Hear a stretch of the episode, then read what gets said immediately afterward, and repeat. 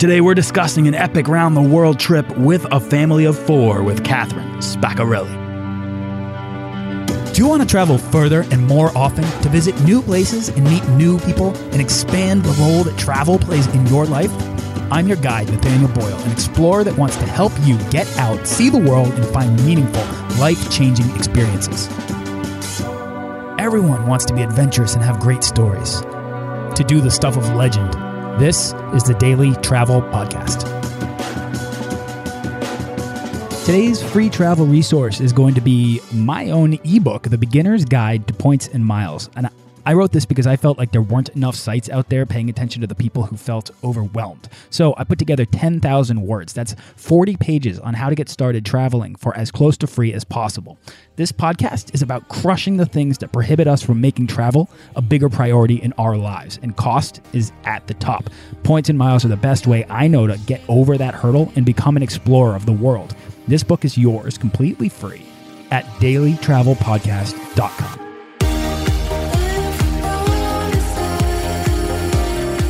Diving back into family travel today, but for anyone listening who doesn't have kids or doesn't see the family obstacle on the horizon, what I like about these conversations is that if you can realize that kids are just a mindset change, just like everything else, then you can get past any self imposed barrier. You just have to change the thought. Today, I'm sitting down with Catherine Spaccarelli from, and I hope I just said her name right. Catherine, Spaccarelli. did I? Terrible. Why don't I ask these things before I start these interviews? I'm just going to roll with it. Spaccarelli from Portland, Oregon, um, who is now living in Seattle. She spent the, the past year with her family of four on a around the world trip. The route is, in fact, around the world, visiting four of the seven continents, or five if you include the US, where they're from. And what I love about this is how she helps to crush the belief that travel, and especially adventurous travel, has to end with kids. Uh, so, Catherine Spaccarelli, thank you so much for coming on the show. Thank you so much for having me. I'm a big fan. Oh, thank you. That's awesome to hear. Um, and I am never going to get your last name wrong again. So I shared a little bit. Of You of, need to spend some time in Italy, I guess. huh? I you know, and I have, and um, and I'm I'm fairly embarrassed. I've I've only been to Italy three times, and I'm only like in love with all things Italian. So this is an embarrassing moment for me. So no problem. I've shared a little bit about you, but I want you to introduce yourself, Catherine. Take us back to where you're from and how you personally got your start traveling. Um, both my husband and I uh, grew up in Portland, Oregon. Lived there. We both did different study abroads. I started studying Japanese when I was in high school Oh, and wow. made a couple trips to Japan throughout high school. Uh, when I hit college, I did a study abroad for a year and lived with a Japanese family in Tokyo who didn't speak any English. So it was a great opportunity for me to really study. Um, and during that time, though, I, I left this uh, man back home that I wasn't ready to leave again. So after I got back and decided I needed to uh, decide whether I was going to go back to Japan or stay here, and um, and I had this personal turmoil for quite some time until I finally told him about it, and he said, "Well, that's great. Let's just both go." oh, perfect. So uh, the two of us headed over there. We lived there for a couple years, did a lot of traveling through our 20s and 30s. Once kids showed up, we just kind of kept on going. Both my kids had passports by the time they were six weeks old. Oh wow! And um, immediately, huh? yeah, exactly. I love that. Yeah. Well, now I've got a six month old whose uh, passport application is sitting on the table, but we're looking to travel internationally with her. Right. You never know when you might need to go. Get it filled out. That's it. I know. I know exactly. Something could come up, and the someone was telling me I can't remember who it was, but you just need to rip that band-aid. Just put them on a plane. Anything that freaks you out about it is just in your head. The reality of it all becomes a whole lot less scary. Just like actually having a kid is a whole lot less scary than the thought of kids. But let's not get into parenting because I really want to talk about your trip and all this stuff. But let me step back. Japanese and learning Japanese in high school. I've never met anybody that's done that. Why Japanese and what compelled you about that in particular? Well, to be honest, I studied French in junior high and hated it. So, so uh, it kind of became a segue. I think my folks really encouraged me because uh, they thought at that time that Japan was the language of the future and there would be a lot of business opportunities for me and things like that. But really, once I started going, I think the first time I went was a summer program at 14 and another summer program at 15. And, and I just fell in love with the people and the culture and the language, everything about it. And, you know, since then, we've hosted family and friends back get back and forth from Japan. So it just is a big part of my heart now. Japan for me is a place that uh, when you get to, it's so drastically different and it's so alive with its differences that there's something about it that really is uh, addictive almost because it offers so much new experience. Does that resonate with you, or what was it about when you got there and lived with it that you loved? since I've lived there for three years, it's it's also a second home, which is why when uh, we set out on our family trip, we spent our first five weeks in Japan because we decided it was a great way of kind of sharing that part of our life with the kids, but also being home and uh, it's not quite so different yet. You know we're slowly getting used to this family travel and living out of a backpack and touring around and jumping on and off trains and things like that. But we were also able to you know speak the language and ask for directions and know what we were ordering. So it kind of was a good segue and a good start for our trip before we headed into southeast asia. Yeah because so so much of what people say especially when it comes to family travel is that you want to take that baby step. This to me it's it's a baby step for you because you've lived there and you can speak the right. language for for most people, Japan would be like a massive, enormous step, and culturally, it's so jarringly different. Your kids, I'm guessing, didn't speak Japanese. Was this a great way? I mean, I guess that they traveled a little before, but this is still a big first step for them to take, right? It was a big first step, but we did have a lot of friends and family. And it's amazing how, you know, a lot of the friends that I had when I was there now have children of their own. It's amazing how kids can play, even though they don't speak each other's language.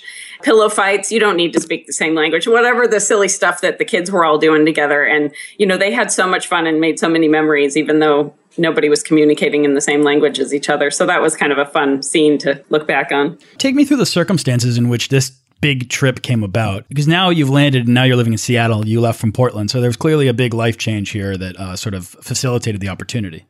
I could blame it on a life change, but really it's just kind of always been travel in our blood. Um, we just had this opportunity and decided it was a good um, time. Uh, we the biggest challenge for us was uh, wrapping up um, some work stuff and selling our house and you know getting out of town. So once we you know kind of got on the road, the rest of it just felt so natural. Um, but we just enjoyed it. it. There wasn't really a big life change. I can't really blame it on any anything in particular. Okay, so planning then um, for a family of four to take this trip. I mean, it's a big thing. I assume you guys were probably what saving up for a few years before. We certainly. Yeah, Nathaniel, we certainly saved a lot, but we also used a lot of um, planning with um, miles and points mm-hmm. um, and credit cards and the whole travel hacking thing. All of our long flights were all paid for with credit card miles. So that was a huge thing. And that certainly takes some planning, but certainly a huge um, cost savings for this many people. yeah. Were you buying round the world tickets? We did not. No, we um we just kind of uh, staggered it. We did a couple long trips. Um, like for example, our first flight we flew from Portland to Bangkok with a five week layover in Tokyo. So worked out great. You know, we just kind of bought different piecemeal tickets throughout the along the way. Um, from South Africa to Europe, we took a repositioning cruise. So that kind of saved us some airline miles and was a kind of a fun, different way to travel. So we did brilliant. that. Yeah, that's brilliant. See, this is really creative.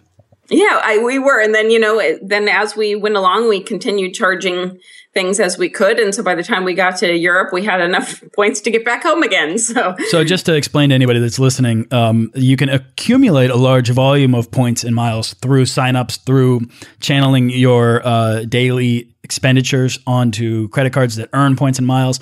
And there are other ways to do it without credit cards, although credit cards tend to be the um, easily, by far, the most lucrative method. And then the other thing to quickly pull out and explain is a repositioning cruise, which I've never been on, but as I as I understand, it's it's quite simply a it's often it can be like a trans-Pacific or trans-oceanic journey or you jump you jump on a cruise boat that's basically going from one port to the other. It's not an official cruise, they're just moving the boat, right? So, so it costs a lot Correct. less. Yeah, I think it's usually their shoulder seasons too, which is kind of you know there's um especially with South Africa, they're down there during our winter months, and they come up and tour around the Mediterranean during our summer months. So during that time when the boat is just kind of going from one place to the other, they offer some great deals, and it turned out to be cheaper than flying. So you know we jumped on, and you know the kids got to play in the pool and go to the kids club and whatever else they found. So it was kind of just fun. Are the boats relatively empty? No, not at all. Okay, so this is a thing, but they were longer well cruises. So, and you know, we there weren't as many families and younger people as you know we might have hoped. But um, you know, we just made friends with older South Africans, and we had a great time. It was fun. How often did you turn to overland travel as a way to not just save money, but also like experience things? I mean, to be able to go across an ocean or across a sea on a boat, any boat of any size, is something I'd love to do someday. Yeah, we just did that one long trip. Other than that, in Asia, we did certainly took some overnight trains in Vietnam, um, different, you know, overnight buses from Vietnam to Laos, you know, wherever we needed to that could save us money. Sometimes, though, those little, you know, inner Asia flights were only $40 a person or something ridiculously cheap. So, you know, it just made more sense to fly at the time. So we kind of did mixed it up. We did a little of everything. All right, let's step back, Catherine, because I want to hear real quick about like when you get to Japan. I mean, it's kind of a second home. You said you know a lot of people there. Was there any? Did you have any concerns about traveling as a family, or were you kind of just prepared for this? Did you think it was going to go well, or was there a moment in Japan in which you said, "This is going to be an amazing trip"? I, I wasn't expecting anything. And I think that's the, the key to family travel is, is never set up too many expectations because, you know, you just never know. And, you know, sometimes you think you have it figured out and boy, life surprises you or the people surprise you. And, you know, there's only so much planning you can do and the rest of it, you're just going to go with the flow. And I think all of us did a great job of that this year and it really helped because we, you know, we're just flexible. You know, we, oh, I guess that train isn't coming, you know, especially after leaving Japan and going to Thailand, where Japan, you know, they come, trains come by the minute. and then you get to Thailand or Vietnam and, oh, three hours late is kind of normal, you know, so you just don't want to make too many plans. right. So from Japan, then, where did your travels take you then? Through Southeast Asia. We spent about um, six months in Thailand, Laos, Vietnam, Malaysia, um, down into Singapore and Indonesia. And then we went over down to Australia, spent a month there. And then we went into, um, flew to South Africa from there, and then the repositioning cruise up to Europe. And then we got a car in Europe because it was cheaper than train for four people and uh, just explored Europe in the car. So that was kind of fun too. Sure. All right. So this is really cool. I mean, already your kids have been to more countries than most people ever make it to in their lives. Right. Um, and this was just within the span of a few months, right off the right out of the gates, right? Right. Not many 10 year olds know where Laos or Vietnam are on a map. You know? No, right. Exactly. they got some amazing schooling in, I tell you. So, how did, how did they respond to the trips? What kind of traveling had they done before? And uh, how did you see them adapt to this sort of travel, which is much more long term? You know, certainly living out of a backpack and, you know, they both got pretty good at packing up their own stuff in the morning and making it all fit and, you know, hauling it around with them. So, you know, that was kind of fun to see. But, you know, we'd done some trips, mainly Europe, Belize, you know, throughout the US. Um, my 10, 10 year old at the time had been to Japan for a short trip when he was five. So there were a couple little trips here and there, but certainly nothing this length. Okay. And then uh, what sort of places did you guys stay in along the way? I mean, you mentioned family and stuff in Japan, but after that, when you get into Southeast Asia, you know, even in Japan, the Japanese homes are pretty small, so they're they're hard to put up for people, um, especially in Tokyo. So, you know, that said, we found we were really creative. I think in especially in Japan and in Europe, where accommodations are pretty expensive, we did a lot of um, Airbnb, apartment rentals, you know, things like that, where we could even cook some meals every now and then for ourselves um, through Southeast Asia. You know, we spent a week volunteering with elephants, and you know, we stayed at hotels and we stayed at um, you know other apartment rentals, whatever we found that kind of made sense. We did the hostel thing several times, and in Europe there was a hostel in a castle, so that was kind of a fun experience for the boys and we yeah. did a little of everything. Let's pull out some of those experiences, the things that might have stood out. But if you don't mind, if you could think about the ones that maybe were a bit more adventurous, maybe um, even more daring than people might expect. Were there any experiences that your kids had that you might not have expected them to have maybe ever done? Well, a huge uh, personal challenge for me and my 10 year old at the time was zip lining through the jungles of Thailand, which, you know, it was huge for me to step off that platform, but I didn't want to miss out either. So, other than that, I think, you know, like Elephant Nature Camp, we were cleaning stalls and feeding elephants and washing pumpkins. And, you know, we spent a week um, really just caring for these elephants and um, to see my little city kids working up that kind of sweat poopy scooping for elephants. It was just amazing. Well, you know, so often on this show, I find that the best stories come from the people we meet and the ways in which we help each other find our way. And uh, I'm just wondering if you guys ever had an opportunity, and this is particularly maybe for your kids. I, I'm, I'm really curious, but also for you. Did you guys ever have a mishap, or did you ever ever have any struggles along the way? You know, all the people we met. I, you know, one comes to mind in Japan where I was stopped to ask somebody for directions, and he very patiently made sure that I knew what price ticket to buy and how to do it. And as soon as I said thank you, he was already running down, running off to catch his train. And, you know, it was just amazing how patient they were, even though, you know, he was stopped to help me, even though he was late for his train. So I thought that was kind. But certainly all the people, the people really make the trips. You know, some of those Chinese New Year events that we did in Penang or, um, you know, in Australia, we stayed with friends there too. So I think everywhere it's certainly about the, the people.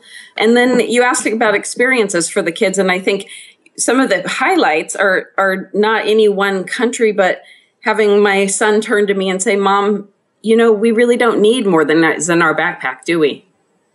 And it's it was huge. just huge to me or that time where they you know when when we first took him to belize and, and they said mom how come those kids are playing soccer with a plastic coke bottle? Well honey that's what they have you know? So i think you know just to see my see a lot of the world and some of the poverty in cambodia and you know see the world through my kids eyes i think also reminded me of how fortunate we are to be doing what we're doing yeah, absolutely. And for the opportunity to kind of recognize your own station in life is one of the real benefits of travel. To give you that perspective, obviously, I think it's maybe one of the two great benefits. Um, the other benefit is uh, the sort of identity of it all and the ability to explore not just who you are, but who you can be, who you can become. Um, and whether that's whether that's writing your own story for yourself through the things that you do, or redefining to yourself what you believe are your limits and what you perceive those things to be. There's a whole lot of confidence, I think, that you derive out of taking that step onto the zip line and into the jungle, right? And saying, right? I took that step and I didn't think I could do it, but now I can. And I know I can go back and do it again uh, if I had to. Um, not everyone wants to go jumping out of the airplane twice.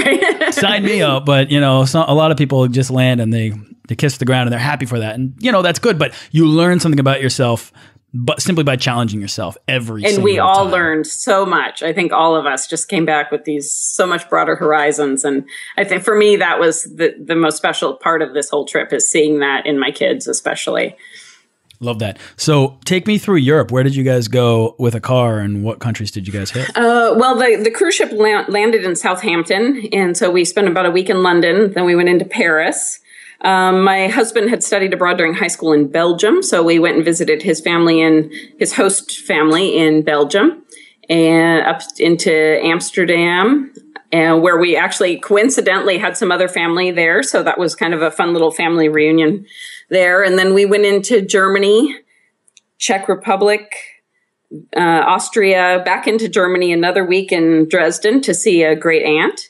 And then we spent the last six, seven weeks in Italy, visiting with some friends and family there. We uh, got a little um, cottage or farmhouse for five weeks in Marche area, and we took language lessons, all of us. So that was kind of a fun way to end the trip, a little more low key, enjoying the countryside in Italy. Yeah, I love that. So I've counted now 14 countries in this whole trip. Does that sound right? It was 25. so you glazed over a few, I think. But yeah, um, well, you know, and I don't mention them because some of them were places that the cruise ship stopped for a day. Oh, I gotcha. Okay. so you know, we did get to stop in Namibia and Senegal and some places in Portugal and Spain. So you know, as the cruise ship stopped, but you don't see a whole lot of a country in a day. What were the ones that stood out to you? You know, I really enjoyed Cambodia. I thought the people were so lovely. And, you know, we went and saw Angkor Wat and then did other experiences that felt like we were right inside a Tomb Raider movie just you know swinging through vines on a ruin somewhere or whatever it was so you know in south africa you, just the safari oh my gosh that that feeling of having an elephant or a lion right 10 feet from your you know jeep or whatever. Oh just incredible, oh, incredible. experiences yeah. It's incredible. I was in uh, malawi and i was staying on a uh, camp right beside a uh, game park or within a game park pretty much.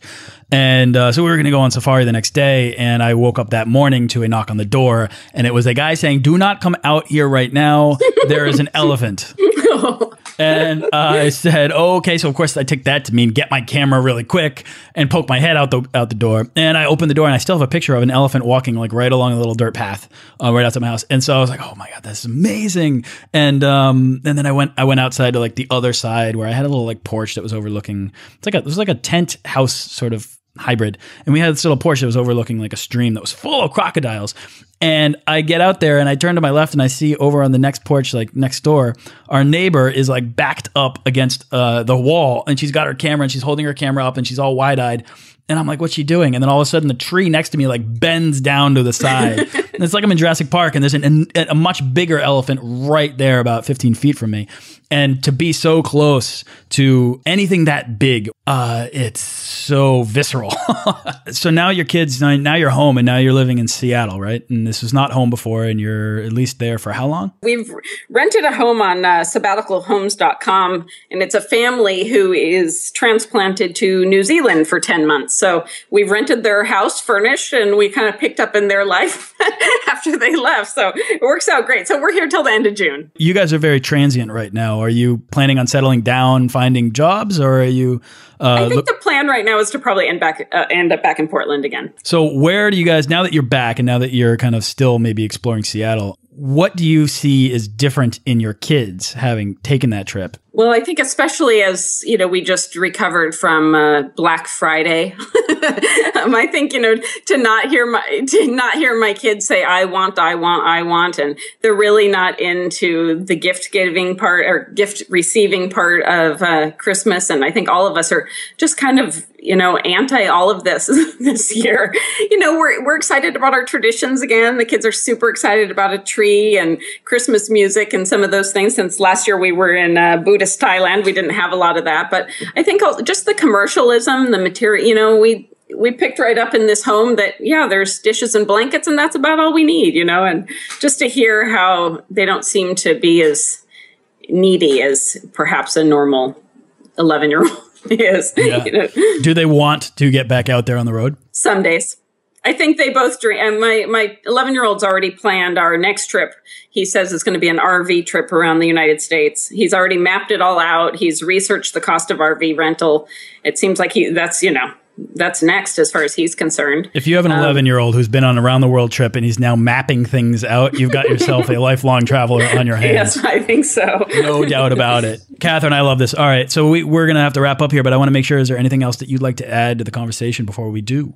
I, I just want people to know that it's very possible. And I think it's one thing to think it's possible, but it's a t- different thing to know it's possible. And I, I, if anything, if there's any takeaway from this conversation that people are listening to, just get out there and do it. And it's just so horizon widening for the kids and for us and as parents and as adults too. Just get out there and do it. It's so worth it. The reason I do this show is to try to um, highlight as many, and the reason why it's daily is to highlight the the stories, the many stories, because the more stories, the more people that you hear from, the more of a normality, this mindset, this approach towards travel, this belief that these things are possible, uh, the more of a you know the more of a normalcy that becomes. And that's to me is the goal of this show is to change the mindset of the people that are listening that want to travel more but for whatever reason uh, just keep putting it off. And uh, so catherine thank you so much for coming on and you know saying exactly what you just said because i think that so many people battle between the uh, decision of having kids and traveling. And yes, maybe you want to go out and have a trip before you have kids, and that makes sense to me. I, I right. completely get that. um, but at the same time, after you have kids, it does not mean adventure is over. Um, and in fact, I think it's even more adventurous because you get to see the world through their eyes. So, Catherine, thanks so much for coming on the show. What's exciting you the most right now? Where's your next trip, or what's your next project? You know, I, I, spend a lot of my free time reading travel blog, reading travel blogs, and I think there's just so many opportunities out there. Um, the other day, I saw kids fly free to Tahiti, so that was peak. So that's flying around inside my head, or uh, perhaps uh, Costa Rica or Croatia. I think those are the top three, and something will probably be planned by the end of the year because we wouldn't want to, you know, have moss growing under our feet or anything. Oh, I love that. So that's yeah, that gives you uh, three weeks to plan a trip. right? Kids fly for to Tahiti. I did not know that. That's great. Um, right, Catherine, where can people go to find out more about you and check out the map and the you know the whole trip that you guys went on? Uh, our website is takingthebigbreak.com, or you can find me on Twitter at the Big Break. Love it. All right, Catherine Spaccarelli, thank you so much for coming on the show and sharing your story. And um, congratulations on really taking that big step to doing that big trip with your kids. They are going to look back on that for the rest of their lives, and they're going to be so thankful that it happened. Yes, thank you so much. Thanks for listening to this episode of the Daily Travel Podcast. For show notes and links to everything in this episode and more, head on over to dailytravelpodcast.com. Join our Facebook page of explorers and subscribe to our newsletter for the best deals and resources to help make your next trip life changing.